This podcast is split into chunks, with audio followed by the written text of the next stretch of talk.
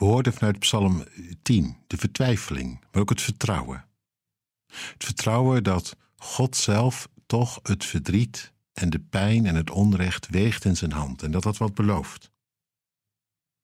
En zo eindigt dit lied ook, die tiende psalm. In dat geloof.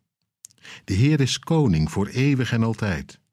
Vijandige volken verdwijnen uit zijn land. Ze mogen nu misschien het hoogste woord hebben, maar het laatste woord, dat hoor je hierin, is toch aan Hem, de God van Israël, de eeuwig levende. U, Heer, verhoort de wens van de nederigen. U bemoedigt hen en luistert met aandacht. U doet recht aan wezen en verdrukten. Geen mens kan er nog uit het land verjagen. Prachtig, hoopvol en tegelijk denk je even: maar is God dan alleen maar een God die zich uiteindelijk wreekt? Het roept ook wel een vraag op, vind je niet? Nou, laat ik je dit vertellen. Wat God betreft wordt het kwaad goedschiks opgelost. Daar is zijn naam al vol van, dat hij barmhartig is en genadig en geduldig en dat hij vergeven kan als geen ander en ook vergeven wil. En heeft het in Jezus bewezen. Hij lost het het liefst goedschiks op, door er zelf aan dood te gaan, aan dat kwaad van ons.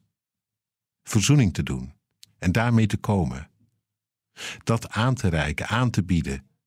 Intussen is dat wereldwijd gegaan, dit evangelie, en het wordt nog altijd verkondigd. Maar tegelijk als het niet goed schiks gaat, ja, dan zal toch het laatste woord niet aan het kwaad zijn. Dan zal het te gronden gaan. Dezelfde die onze redder is geworden, Jezus, koning in eeuwigheid, zal dan ook rechter zijn. Het is het laatste wat hij wil, maar onontkoombaar, omdat ja, dat van hem, dat zal het winnen. God zij dank, zou ik willen zeggen. Het gaat inderdaad niet buitengericht om. Maar het belooft van alles. We lezen het in dit lied al. Prachtig.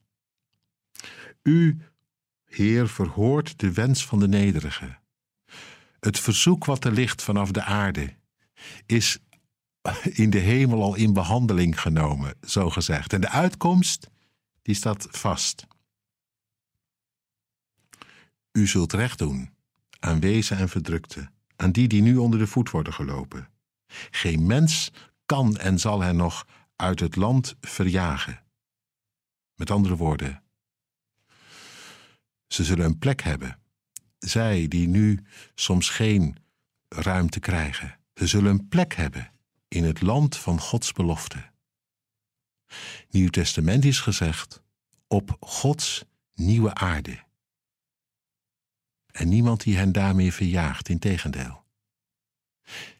Juist andersom. Zij die hen op de hielen zaten, die, die vind je daar in alle eeuwigheid niet meer terug.